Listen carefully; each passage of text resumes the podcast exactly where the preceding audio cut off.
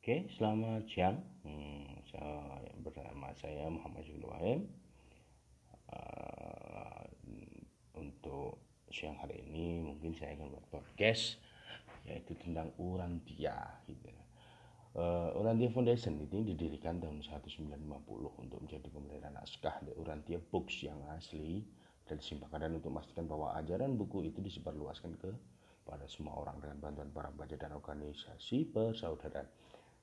Uh, Urantia Foundation adalah yayasan nirlaba ya. Pendidikan yang beroperasi di bawah suatu Declaration of Trust. Yayasan ini mencetak buku tersebut dalam bahasa Inggris sejak 1955 uh, Rumah Urantia Foundation di 533 W di Sepersepat Gue Cikcaku Illinois dibangun tahun 1908 jadi uh, tantangan untuk masa depan dalam buku Urantia ini beritahu bahwa kita uh, pada kita bahwa tantangan keagamaan untuk zaman ini adalah bagi pria dan wanita yang berwawasan rohani, yang berpemandangan jauh dan maju agar berani menyusun suatu filosofi kehidupan yang baru dan menawan.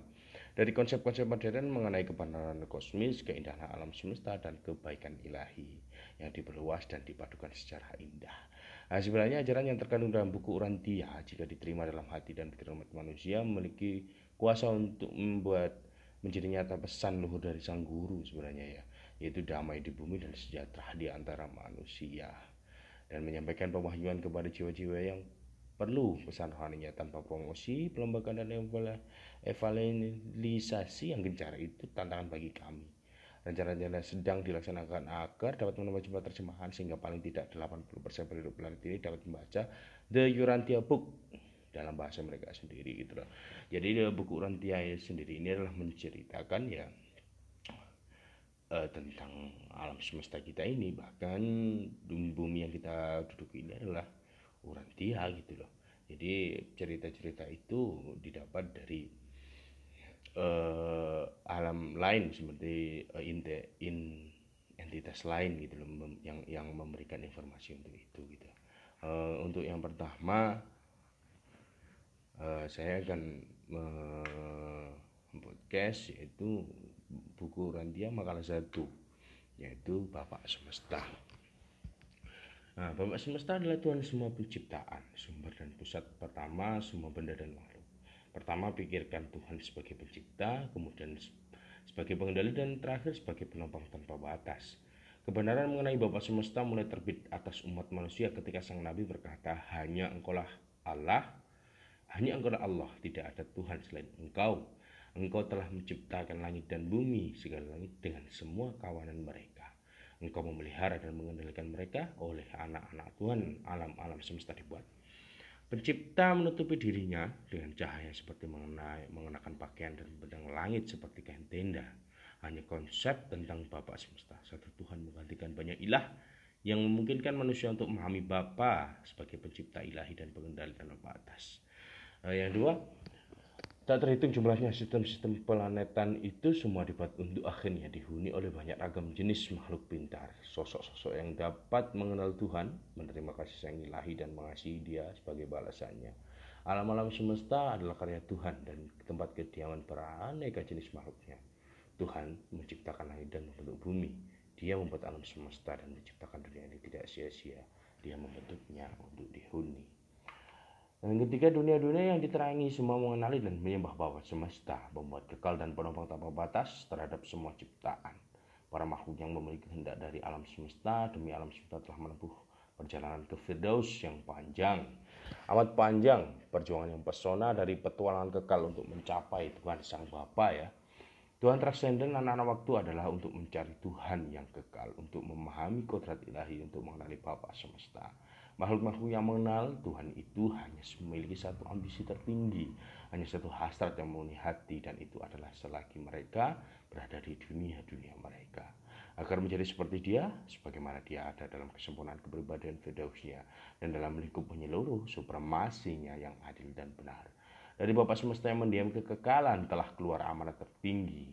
Jadilah kamu sempurna, sama seperti aku sempurna dalam kasih dan rahmat utusan-utusan Firdaus telah membawa dorongan ilahi ini sepanjang zaman dan melalui alam-alam semesta. Bahkan sampai kepada makhluk-makhluk rendahan yang berasal dari binatang seperti bangsa-bangsa manusia urantia. Nah, untuk empat, pemerintah yang agung dan menyeluruh agar berupaya demi pencapaian kesempurnaan ilahi ini adalah tugas pertama dan seharusnya menjadi ambisi tertinggi untuk perjuangan semua makhluk ciptaan dari Tuhan kesempurnaan. Kemungkinan untuk pencapaian kesempurnaan ilahi ini adalah tujuan akhir dan pasti bagi semua kemajuan rohani kekalnya manusia. Makalah kelima, manusia orang tua tidak bisa berharap untuk menjadi sempurna dalam pengertian tanpa batas tetapi sepenuhnya mungkin bagi insan-insan manusia yang mulainya seperti yang mereka lakukan di planet ini.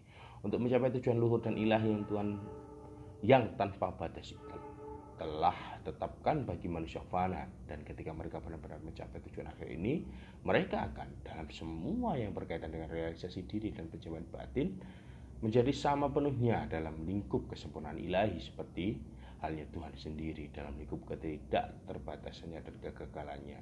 Kesempurnaan tersebut mungkin telah me, tidaklah menyeluruh dalam pengertian material, tak terbatas dalam pemahaman intelektual dan atau final dalam pengalaman rohani, tetapi kesempurnaan itu final dan lengkap dalam semua aspek terbatas dari keilahian kehendak. Kesempurnaan memotivasi keberbadian dan kesadaran Tuhan. Makalah keenam, inilah makna sesungguhnya dari perintah ilahi itu jadi kamu sempurna sama seperti aku sempurna.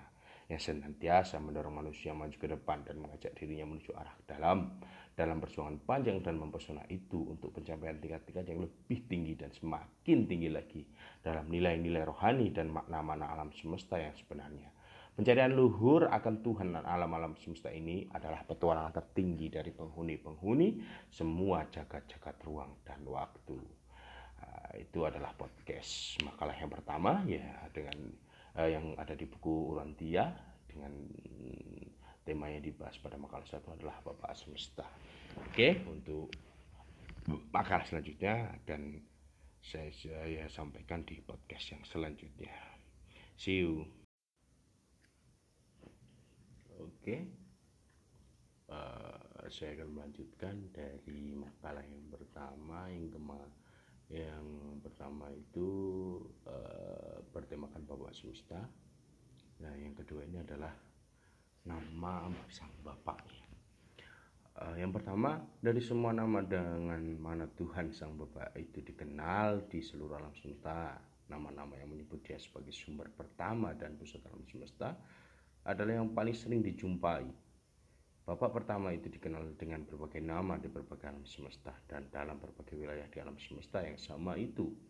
Nama-nama yang dibuat ciptaan karena pencipta itu banyak tergantung pada konsep ciptaan itu mengenai sang pencipta.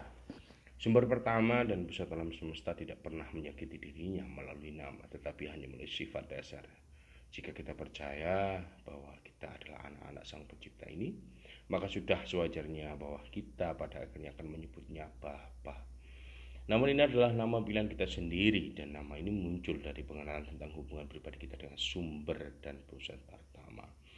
Yang kedua, Bapak semesta tidak pernah memaksakan bentuk pengakuan yang wajib, penyembahan yang formal atau layanan yang memperbudak terhadap para makhluk berkendak cerdas di alam-alam semesta Para penghuni dunia-dunia ruang dan waktu yang berevolusi itu harus dari mereka sendiri, dalam hati mereka sendiri, mengenali, mengasihi, dan secara sukarela menyembah dia.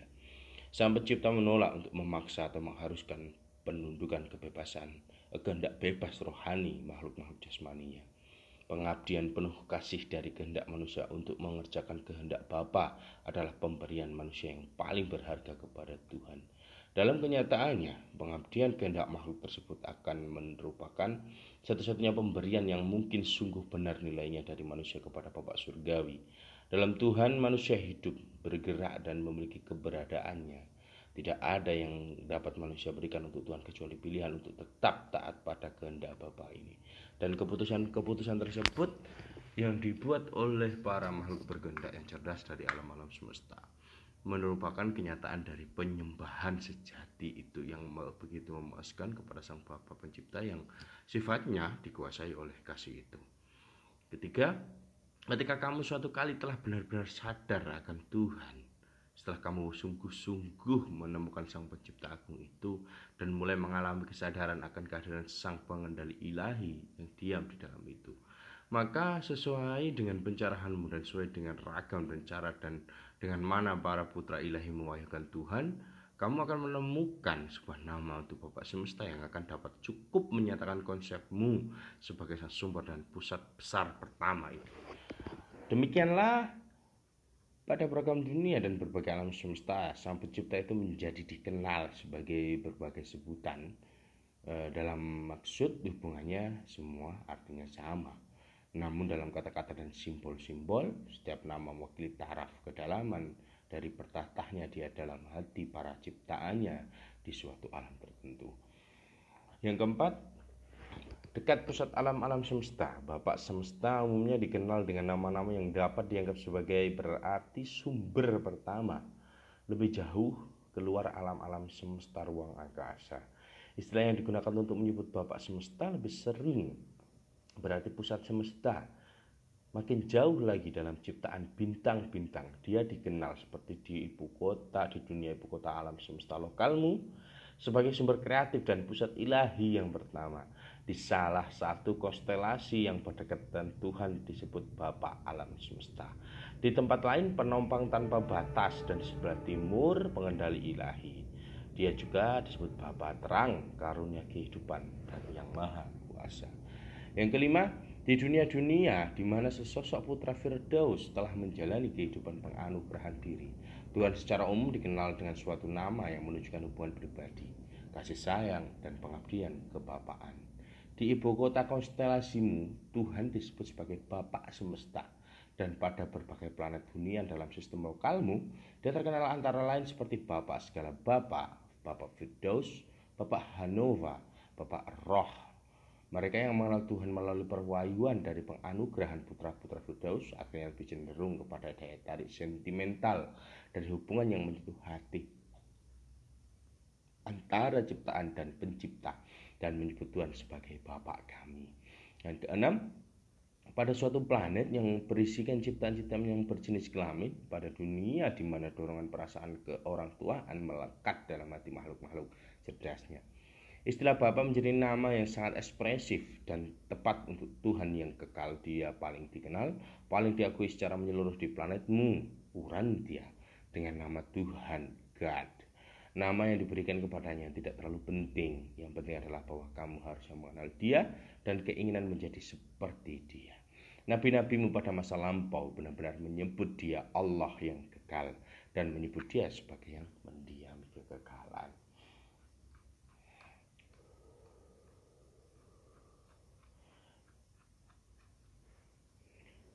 Oke, itulah podcast uh, realitas tuh. Uh, sorry, itu adalah podcast nama sang bapak ya. Uh, untuk yang kedua akan saya podcast lagi di podcast selanjutnya. Terima kasih. See you. Oke. Okay. Nah, selanjutan dari nama sang bapak ya yang nomor dua ini adalah realitas Tuhan.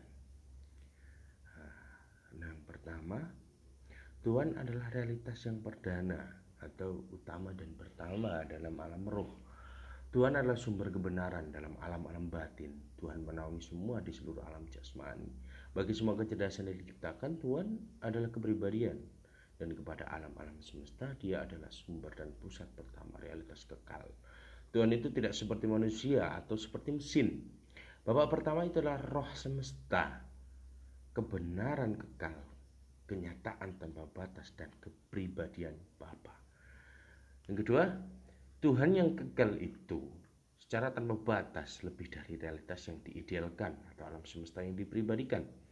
Tuhan adalah bukan hanya hasrat tertinggi manusia, pencarian manusia yang diobjektifkan. Tuhan juga bukan hanya suatu konsep semata, potensi kuasa dari keadilan dan kebenaran Bapak semesta ini bukan suatu sinonim untuk alam, bukan pula dia adalah bukan pula dia adalah hukum alam yang dipribadikan. Tuhan adalah suatu realitas yang transenden, bukan hanya konsep tradisional manusia untuk nilai-nilai tertinggi. Tuhan itu bukan suatu pemusatan psikologis untuk pengertian-pengertian rohani, bukan pula dia adalah karya manusia yang paling mulia, Tuhan bisa merupakan salah satu atau semua konsep-konsep ini dalam benak manusia, tetapi Dia lebih dari itu. Dia adalah pribadi penyelamat dan Bapa pengasih bagi semua yang menikmati kedaiman rohani di atas bumi dan yang merindukan untuk mengalami keselamatan kepribadian dalam kematian.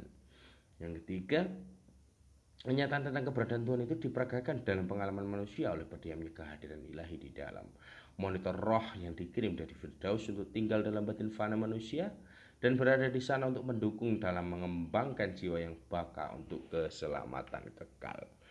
Uh, kehadiran pelaras ilahi ini dalam batin manusia ditunjukkan oleh tiga fenomena pengalaman.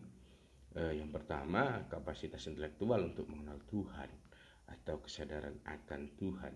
Yang kedua, dorongan rohani untuk mencari Tuhan atau pencarian akan Tuhan. Dan yang ketiga, kerinduan kepribadian untuk menjadi seperti Tuhan. Hasrat sepenuh hati untuk melakukan kehendak Bapa. Kepada Tuhan tidak pernah dapat dibuktikan oleh percobaan ilmiah atau oleh penalaran murni dari kesimpulan logis.